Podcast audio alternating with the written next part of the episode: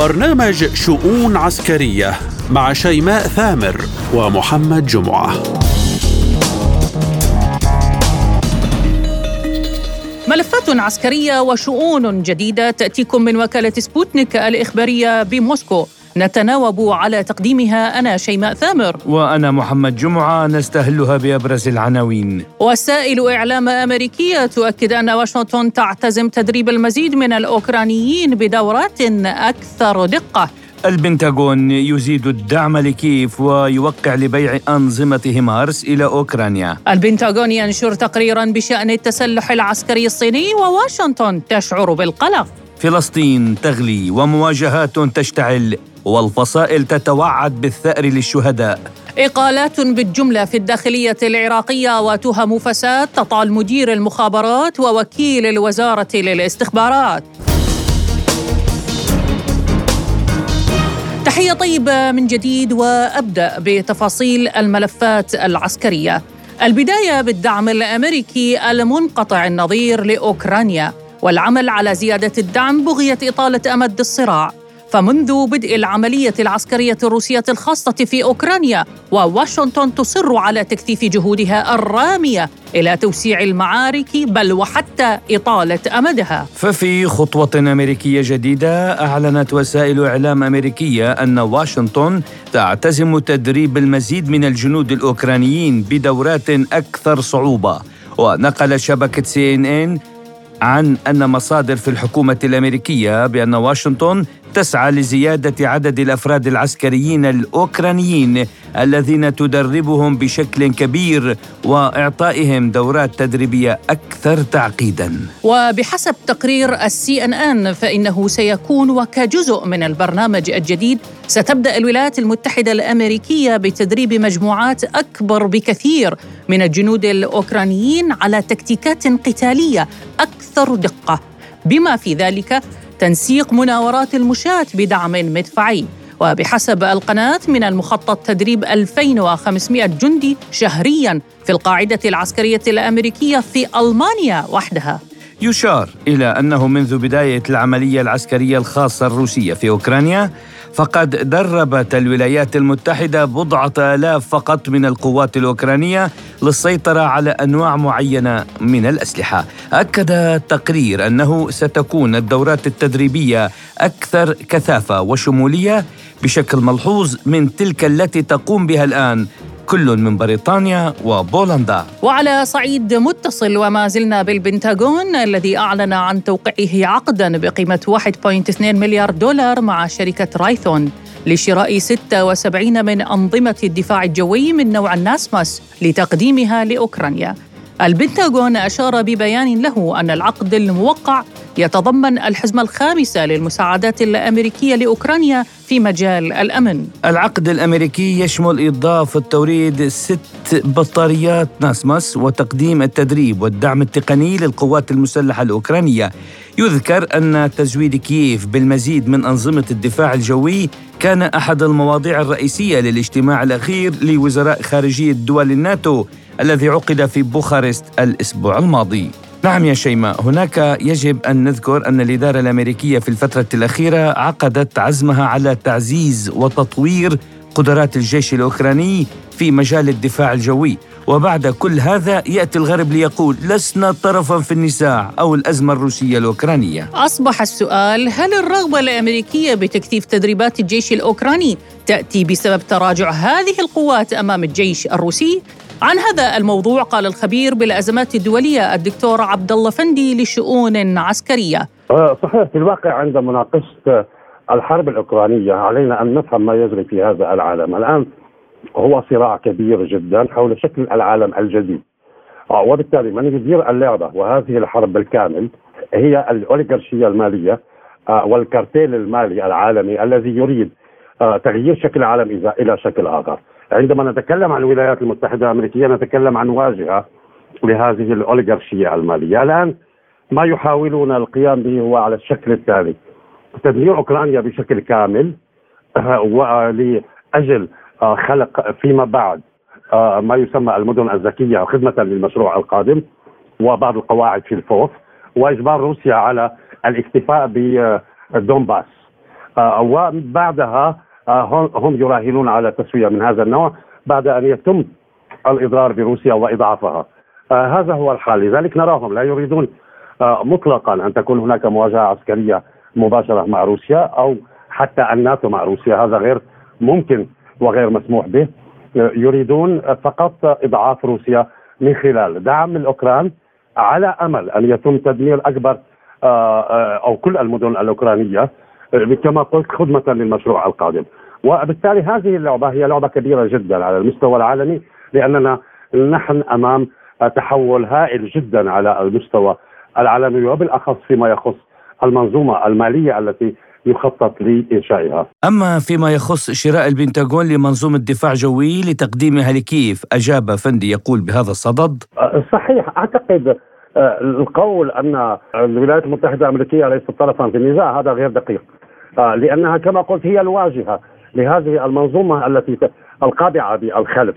وبالتالي كما قلت هم يريدون أن تستطيع أوكرانيا أن تستمر في هذه الحرب وأن تستهدف الطائرات الروسية.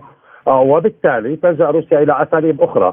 بكل الأحوال هذا عبارة عن دفعة جديدة لاستمرار هذه المأساة الحرب في تلك المنطقة. لإضعاف روسيا هم سيدعمون أوكرانيا بكل ما يمكن من أجل آه، آه، استمرار هذه الحرب أو عدم السماح. هم يضغطون على زيلينسكي على سبيل المثال كي لا يتجه باتجاه المفاوضات أن تكون هناك تسوية مع روسيا فالتسوية غير مطلوبة في هذا الوضع الراهن. آه، وبالتالي الولايات المتحدة الأمريكية آه، للأسف الشديد مستفيدة من هذا الوضع وهناك دول أخرى ومنظومات أخرى مستفيدة من هذه الحرب.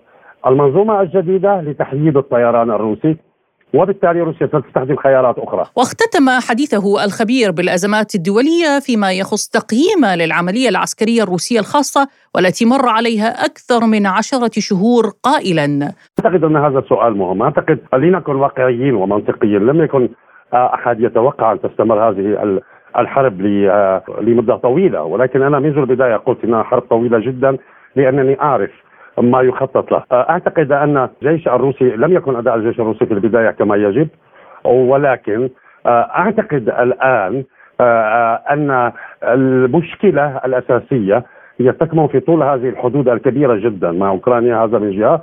ومن جهة أخرى هو أن روسيا تتحاشى أن تكون هناك ضحايا كثيرة في أوكرانيا. فنحن نعرف جيدا أن الشعب في أوكرانيا بأغلبه وهو من الجذر السلافي. كما روسيا. وبالتالي هناك محاولة لتقليل الخسائر بين المدنيين. آه، وبالتالي طالت الحرب كثيرا.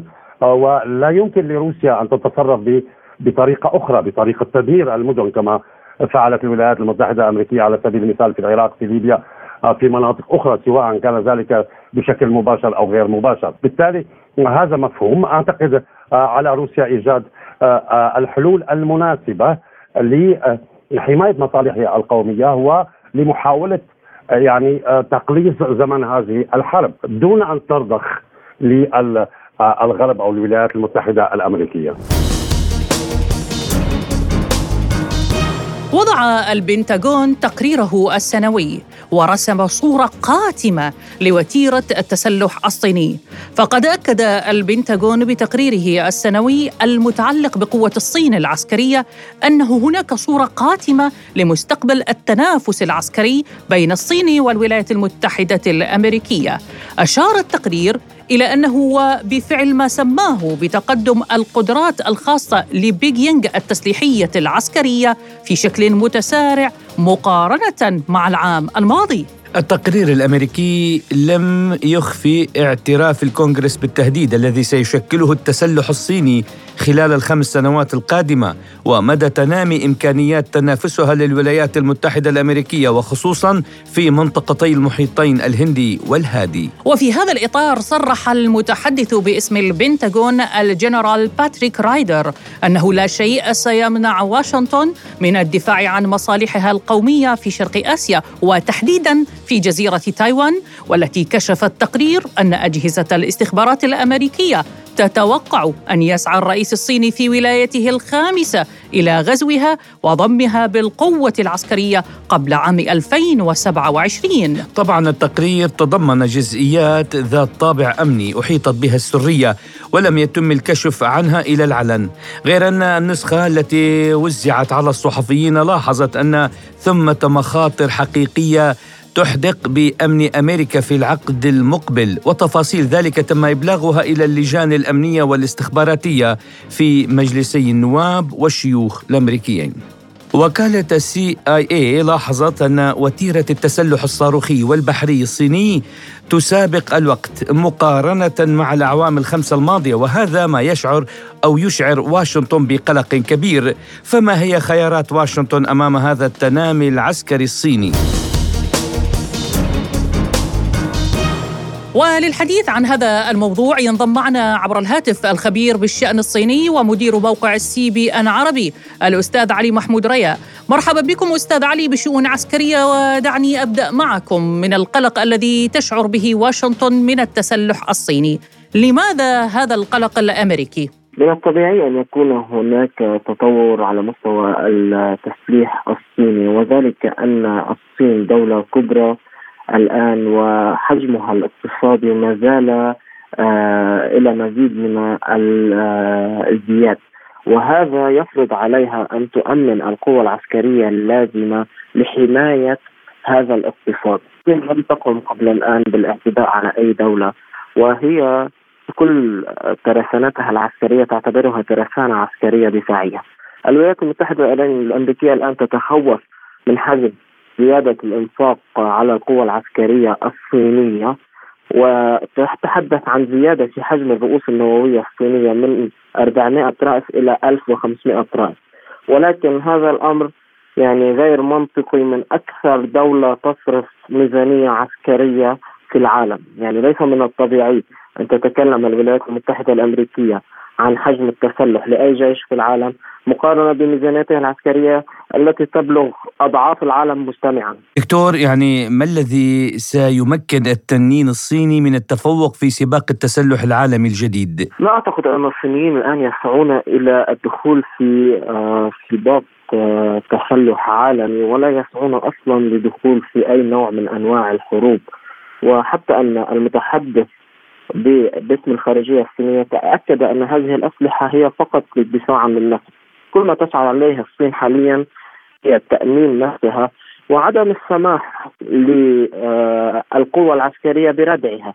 يعني لن تسمح الصين بجعل اقتصادها مهددا عسكريا دون أن تتمكن من الدفاع عنه والدفاع عن نفسها وعن سلامة أراضيها. وحتى عن وحدة أراضيها وخاصة فيما يتعلق بموضوع تايوان. طيب اليوم الولايات المتحدة أستاذ علي تصر على أنها تحمي جزيرة تايوان وأنها ستدافع عنها بكل قوة. كيف تنظر إلى الإصرار الأمريكي على حماية تايوان والحديث عنها أنها قد تواجه الصين من أجل تايوان؟ أولا لا أعتقد أن الولايات المتحدة الأمريكية بوارد مواجهة الصين للدفاع عن تايوان. هذا الكلام هو كلام آه، روتيني واعتيادي من الولايات المتحدة الأمريكية ولكنه لا يأتي أبدا في آه، الإطار آه، الواقعي الصين والولايات المتحدة الأمريكية قوتان عظمتان عظيمتان وهاتين القوتين لن تدخلا في حرب مباشرة لأن تبعات هكذا حرب على الاقتصاد العالمي وعلى اقتصاد البلدين ستكون مدمرة. واليوم نحن نتحدث عن قوة نووية. أي حرب بينها قد تؤدي إلى ما لا يحمد عقباه على مستوى الكرة الأرضية ككل وليس بلد أو بلدين. أما فيما يتعلق بموضوع تايوان فهو شأن داخلي صيني. لا علاقة للولايات المتحدة الأمريكية به وكل ما تقوم به الولايات المتحدة الأمريكية في هذا الإطار يأتي في إطار الاستفزاز للصين ومحاولة الحصول على مزيد من المكاسب المكاسب في المفاوضات في الفترة القادمة. الخبير بالشأن الصيني مدير موقع سي بي إن عربي الأستاذ علي محمود ريا كنت معنا ضيفا كريما بشؤون عسكرية شكرا لكم وحياكم الله. وإلى المشهد في فلسطين، لكن البداية مع زميلنا مراسلنا في فلسطين الزميل أجود جرادات. تصعيد يعصف بالأراضي الفلسطينية فعمليات قتل الفلسطينيين من قبل الجيش الإسرائيلي تزداد يوما بعد يوم. ومع تصاعدها تتصاعد المقاومة الفلسطينية لتعلن الفصائل الفلسطينية عن أيام غضب قادمة. وأما مجموعات عرين الأسود فقد توعدت برد قاس على ما يقوم به الجيش الإسرائيلي. ذلك الجيش الذي يمضي في سياسات الاقتحامات وعمليات التصفية وتغيير قواعد إطلاق النار. فضلا عن مصادرة أراضي الفلسطينيين وتقطيع أوصال الضفة الغربية بحواجز ومستوطنات بحواجز ومستوطنات. فكل ما يجري على الأرض ينبئ باقتراب ذروة التصعيد لحدها الأعلى وهذا ما صرح به أمنيون إسرائيليون حيث قالوا إن الحكومة الإسرائيلية القادمة مقبلة على تصعيد خطير في ظل أمن إسرائيل الهش. وأما فلسطينيا فقد حذرت الرئاسة الفلسطينية من خطورة ما يجري وحملت إسرائيل مسؤولية التصعيد والقتل واستباحة الدم الفلسطيني الذي سيكون سببا في انفجار الأوضاع بشكل غير مسبوق. مثلما تحدث أجود المشهد الفلسطيني في حالة من الغليان المستمر. اشتباكات واقتحامات وتصعيد إسرائيلي ضد الفلسطينيين. بينما فصائل المقاومة تتوعد بالثأر للشهداء والمضي في درب الشهادة. نعم يا شيماء لتأتي اليوم تصريحات لوزير الأمن الإسرائيلي عمور برليف الذي أكد أنه في حالة حدوث أي تغيير على الوضع الراهن في المسجد الأقصى فستكون انتفاضة ثالثة. وأعرب بارليف في ختام فترة عمله في الوزارة عن اعتراضه على التعيين المتوقع لرئيس عوتسما يهوديت إيتمار بن غفير خلفا له. يأتي القلق الإسرائيلي من انتفاضة ثالثة على خلفية اقتحامات في جنين أدت إلى استشهاد شابين برصاص الجيش الإسرائيلي خلال الاقتحام الذي نفذه الجيش في جنين بالضفة الغربية. عن المشهد الأمني الفلسطيني قال الخبير بالشأن الفلسطيني الأستاذ إبراهيم المدهون. واقع الشارع الفلسطيني اليوم ملتهبا وهناك اشتباك شامل مع الاحتلال الإسرائيلي خصوصا في الضفة الغربية والقدس. ومناطق ال 48 وحتى في قطاع غزة. هناك حالة غليان وغضب بسبب زيادة جرائم الاحتلال الإسرائيلي وانسداد أفق التسوية وحضور آه، حكومة متطرفة توغل بالدم الفلسطيني. هناك عمليات اغتيال واعتقال يومية وهناك انتهاكات للمقدسات الفلسطينية. ولهذا آه، تشكلت حالة مقاومة شعبية تمثلت في عرين الأسود وكتيبة جنين وكتائب الأقصى وغيرها من هذه العمليات التي ضمت جميع الفصائل وهناك وحدة ميدان اليوم ضد الاحتلال. أعتقد أن الاحتلال يعاني الآن صعوبة في إخماد هذا هذه الثورة والتي يعني تشكلت بطريقة جديدة غير مألوفة عن السابق. في السابق كانت هناك عمليات وتوجه فصائلي اليوم لا هناك عمليات شعبية هناك مبادرات فردية هناك عمليات ذاتية ولهذا آه، ما زال الوضع في آه، الضفة الغربية وفي القدس آه، وقابل للاشتعال وزيادة وتيرة المواجهة. والاحتلال يدرك اليوم أنه لن يستطيع إخماد مثل هذه هذه الثورة خصوصا أنه أتى بحكومة نتنياهو المتطرفة والتي تتوعد بالسيطرة وبسط بالسيطرة على آه، الضفة الغربية وضم الضفة الغربية آه، للكيان الصهيوني وعدم الاعتراف بالاتفاقيات السابقة وعدم التعامل مع السلطة سياسيا وإنما اقصاره على البعد الأمني. وكانت الفصائل الفلسطينية أعلنت عن استمرارها في المقاومة والتصعيد والثأر للشهداء وعن احتمالية توحيد خطاب المقاومة الفلسطينية، قال المدهون بهذا الصدد. منطق المقاومة الفلسطينية غير قائم على ردود الأفعال وإنما هو مسار استراتيجي في مواجهة وصد العدوان الإسرائيلي ولهذا عمليات الاغتيال آه، ربما لن يأتي لها آه، ردود فعل آنية ولكن هناك حالة غضب تتراكم في الشارع الفلسطيني وهناك نية مبيتة أمام في صدر كل شاب من أجل آه، الاستمرار في جذبة هذه الثورة. ولهذا أنا بعتقد أن الاحتلال الإسرائيلي يتوقع في كل لحظة عملية فدائية جديدة خصوصا أن هذه العمليات غير منظمة ولكنها عمليات نتجت عن واقع الغضب الشعبي العارم كما أن الحالة الفلسطينية اليوم لا تستطيع التفريق فيها في البرامج يعني الجميع متوجه اليوم للمواجهة مع الاحتلال الإسرائيلي خصوصا أن الاحتلال لم يعد يعترف بالاتفاقيات ولم يعد يعترف بعملية السلام وينظر إلى السلطة الفلسطينية أنها أداة أمنية وهذا ما ترفضه حتى حركة فتح ولهذا تشارك في هذه التشكيلات الشعبية التي أفرزت من خلال الاحتكاك والواقع المتردي في الضفة الغربية واقع حالة الاشتباك الدائم مع الاحتلال الإسرائيلي. في الضفة الغربية. ولهذا لن نجد حتى فرق لا في البيانات ولا الخطابات ولا التوجه. اليوم هناك حالة إجماع على ضرورة مواجهة الاحتلال الإسرائيلي وضرورة توحيد الميدان وتوحيد الخطاب وتوحيد حتى التشكيلات. لهذا تغيب الفصائل اليوم ولكن تبرز التشكيلات الشعبية التي تضم الجميع تضم جميع التوجهات تضم جميع الفصائل والأحزاب. الشباب اليوم يعمل ضمن هذا الإطار الوحدوي والذي لاقى آه، الكثير من الدعم والمساندة آه، على المستوى الشعبي. وأما فيما يخص احتمالية حدوث انتفاضة ثالثة اختتم المدهون حديثه قائلا نحن نعيش موجة ثورية الآن جديدة يمكن أن تسمى انتفاضة ويمكن أن تسمى شيء آخر ولكن هي بأسلوب جديد آه، الفصائل ليس لهم بصمة واضحة فيها ولكن هو هي حالة ثورية شعبية آه، واشتباك آه، شعبي آه، واسع. ولهذا أنا بعتقد أننا أمام مرحلة جديدة. هذه المرحلة يمكن أن تتطور إلى مواجهة شاملة ولكن الشعب الفلسطيني اليوم بات يدرك أن عملية التنقيط وعملية والعمليات الفردية المركزة والذاتية هي أكثر وجعا للاحتلال وخصوصا أن الاحتلال يقف أمامه مرتبكا وغير قادر على مواجهتها أو التصدي لها.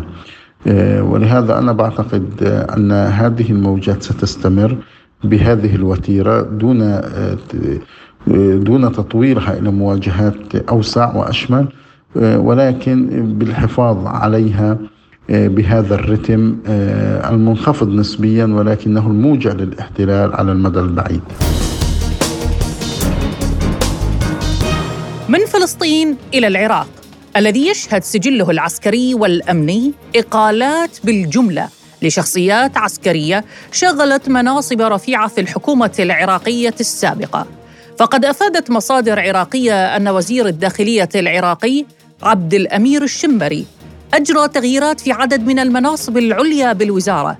التغييرات شملت كلا من وكيل الوزارة لشؤون الاستخبارات الفريق أحمد أبو رغيف ووكيل الوزارة لشؤون الشرطة وقيادة حرس الحدود وقائد شرطة الطاقة ومدير مديرية مكافحة المخدرات ومدراء آخرين. وأكدت المصادر أنه تم تكليف اللواء ماهر نجم بإدارة منصب وكيل وزارة الداخلية للمخابرات والمباحث. يرى مراقبون أن هذه التغيرات جاءت بسبب تهم الفساد التي تحيط الأسماء التي عفيت من مناصبها بينما يرى آخرون أن الحكومة الجديدة تسعى إلى تغيير كل من خدم في وقت الحكومة السابقة وهي حكومة مصطفى الكاظمي. للحديث أكثر عن هذا الموضوع ينضم معنا من بغداد الخبير بالشأن العراقي الأستاذ كتاب الميزان، مرحبا بكم أستاذ كتاب بشؤون عسكرية وشكرا على قبول الدعوة. مرحبا أهلا وسهلا بكم وبمستمعيكم الكرام. بداية أستاذ كتاب تغييرات كبيرة اليوم بالمؤسسة العسكرية وتحديدا بالداخلية. كيف تنظر إلى خطوات الحكومة الجديدة التي يقودها محمد الشياع السوداني؟ يعني هذا أصبح من من الطبيعي يعني تشكيل كل حكومة جديدة تذهب باتجاه إلى تغيير مناصب آه، آه، ويعني سواء بمستوى مدير عام أو مستوى وكلاء هاي الدرجات الخاصة آه، بوزاره وزارة الدفاع داخليه باقي الوزارات آه، يبدو بأن حكومة محمد الشياع السوداني هي يعني تريد آه، ومستعجلة جدا في هذه التغييرات. الحكومات السابقة كانت تسير بوتيرة بطيئة في موضوع التغييرات لأنه إحنا نعرف التغييرات هي هاي خاضعة لتوازنات سياسية ولمعادلات سياسية. نعم. وأيضا من حصه أحزاب سياسية مشاركة وهي التي كانت وأنتجت هذه الحكومة. بالتأكيد آه، ستكون هناك إقالات لكن هذه المرة هي إقالات بالجملة على عكس ما كان يفعله يفعله الوزراء السابقين بانه تكون تغييرات بانه كل شهر يتم يعني استبعاد شخص آه، كل شهرين شخصين آه، لكن هذه المرة يعني الموضوع يبدو مختلف ويبدو بأن هناك خطة ل يعني تغيير وإعادة هيكلة الدرجات والوظائف داخل هذه الوزارات. طيب أستاذ كتاب يعني هناك آراء ترى أن التغيرات جاءت على خلفيه تهم فساد بينما يرى آخرون أنه كلما جاءت حكومة لعنت التي قبلها. يعني كيف تنظر إلى هذا التناقض والتغير؟ يعني لا أنا قلت لك بأنه يعني هذه الحكومة هي نتاج لتوافق سياسي ونتاج لأحزاب سياسية مشاركة بالسلطة. نعم. وعدها آه، جزء آه، من النواب داخل المؤسسة التشريعية. فبالتالي وأيضا هذه هذه الكابينة هي وزراءهم ممثلين لأحزاب. فبالنتيجة يجب أن تكون هناك في رؤيتهم أن تكون هناك توازنات داخل هذه الوزارات. بمعنى بأنه استبعاد شخصيات والاستبدالهم بشخصيات من لون آخر من لون غير أحزاب داخل هذه الوزارات. يعني هذا الموضوع مو جديد على على كل الوزراء. تعودنا عليه من 2003 ولحد حكومة السيد محمد الشاع السوداني، إيه، لكن هو الغريب بالموضوع بأنه ليش هاي العجلة وهذه التغييرات بالجملة، هذا هو المختلف عن طبيعة التغييرات السابقة اللي كانت موجودة، لكن لو نحصي على عدد التغييرات اللي صارت بحكومة الكاظمي مقارنة بحكومة عادل عبد المهدي سنجدها تغييرات أكثر من التغييرات اللي حدثت إلى الآن في حكومة محمد الشياع. يعني إلى الآن التغييرات هي كانت على مستوى وزارة الداخلية لكن بالأيام القادمة راح نشوف تغييرات على مستوى كل الوزارات مو فقط الوزارات الأمنية والأجهزة الأمنية. طيب أستاذ كتاب دعني أختتم معك يعني بس بمحور آخر. يعني جذبني اليوم صباحا المتحدث باسم الداخلية العراقية على مواقع التواصل الاجتماعي تحديدا على الفيسبوك. أكد أن الجيش العراقي لن يكون داخل المدن. سيتركز الجيش العراقي على الحدود العراقية خاصة بعد التهديدات الإيرانية والتركية. وانه ملف المدن سيكون من حصة الشرطة العراقية برأيك كمراقب للمشهد الأمني العراقي. هل جهاز الشرطة قادر على مسك الملف الأمني داخل المدن العراقية خاصة في المناطق التي حررت والتي رفع منها اليوم التدقيق الأمني مثلا يعني. إحنا دائما إحنا مشكلتنا الأمنية هي مشكلة تأتي من الخارج نعم. ومشاكل نعم. خارجية تصدر إلى الداخل العراقي. نعم. إحنا كمشاكل أمنية هي مو مشكلة داخل المدن.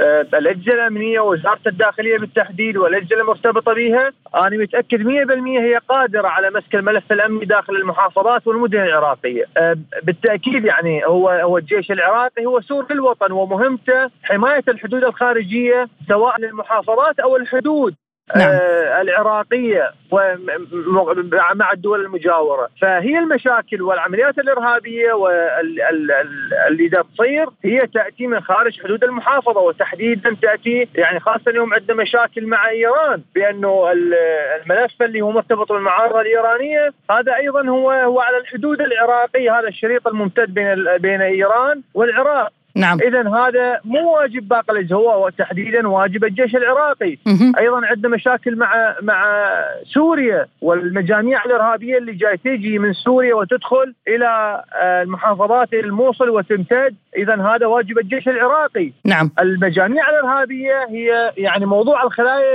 النائمة اللي كانت سابقا داخل المدن انتهت بشكل كامل. مه. اليوم كل المدن وكل المواطنين اللي داخل المدن هم صارت لهم عملية غربلة وفلتره وماكو اليوم واحد مطلوب داخل المدينة. كل الإرهابيين هم موجودين في مناطق معينة محددتها الامنيه سواء في وادي حوران في هاي الصحراء في في جبال حمرين. فهاي أصلا يعني يعني تعتبر خارج المدن بالتحديد. وممكن ان أن تكون عمليات تطهير اللي هي آه، إلها بعمليات عسكرية نوعية ويرجع الجيش هذا واجبه وهاي خطوة بالاتجاه الصحيح ويجب أن تدعم وتفعل بشكل حقيقي. نعم الخبير بالشأن العراقي الأستاذ كتاب الميزان كنت معنا ضيفا كريما بشؤون عسكرية، شكرا لكم وحياكم الله. أهلا وسهلا. إلى هنا نصل وإياكم مستمعينا الكرام إلى نهاية حلقة اليوم من شؤون عسكرية رافقناكم بها من وراء الميكروفون محدثتكم شيماء ثامر وأنا محمد جمعة شكرنا موصول طبعا لضيوفنا الكرام بهذه الحلقة. كل من الخبير بالأزمات الدولية الدكتور عبد الله فندي والخبير بالشأن الصيني الأستاذ علي محمود ريا. والخبير بالشأن الفلسطيني الأستاذ إبراهيم المدهون. للمزيد يمكنكم زيارة موقعنا الإلكتروني. سبوتنيك دوت أي إيه دمتم بأمان الله وحفظه.